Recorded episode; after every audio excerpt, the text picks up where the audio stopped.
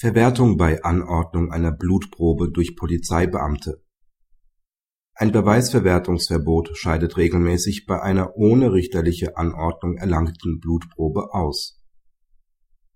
Der Beschuldigte wurde gegen 18:30 Uhr mit seinem Pkw angehalten. Ein Atemalkoholtest ergab einen Wert von 0,73 Milligramm pro Liter Daraufhin wurde ihm ohne richterliche oder staatsanwaltschaftliche Anordnung eine Blutprobe entnommen, die zu einem Mittelwert von 1,72 Promille führte. Gegen die Verurteilung wegen fahrlässiger Trunkenheit legte der Beschuldigte Sprungrevision ein.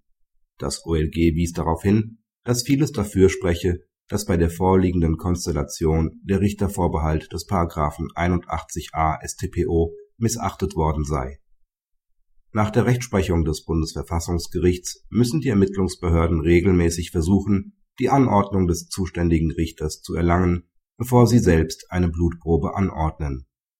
Gegen die Annahme von Gefahr im Verzug spreche insbesondere die Tageszeit und damit die Erreichbarkeit eines Richters sowie der Grad der Alkoholisierung.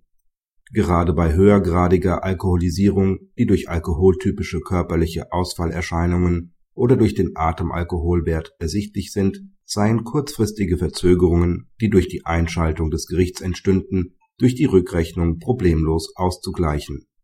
Aus dem Beweiserhebungsverbot folge jedoch nicht, dass das Beweisergebnis nicht zu verwerten sei.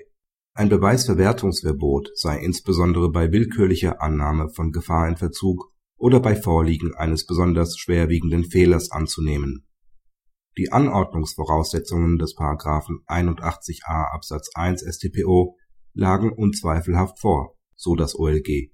Somit könne von einem bewussten Ignorieren oder sonst gröblichem Verkennen des Richtervorbehalts nicht die Rede sein.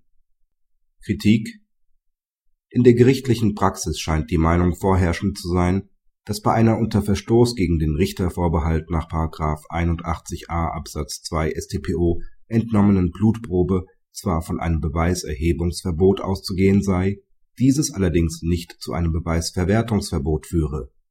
Der Hinweis des OLG auf die bis vor kurzem einhellige Praxis, wonach die Polizeibeamten umstandslos eine Blutprobe anordnen konnten, mag zwar das Handeln des Polizeibeamten vor Ort nachvollziehbar erscheinen lassen, in der forensischen Praxis gewinnt man jedoch immer wieder den Eindruck, dass trotz der Entscheidungen des Bundesverfassungsgerichts flächendeckend durch die Polizeibeamten die Entnahme einer Blutprobe angeordnet wird.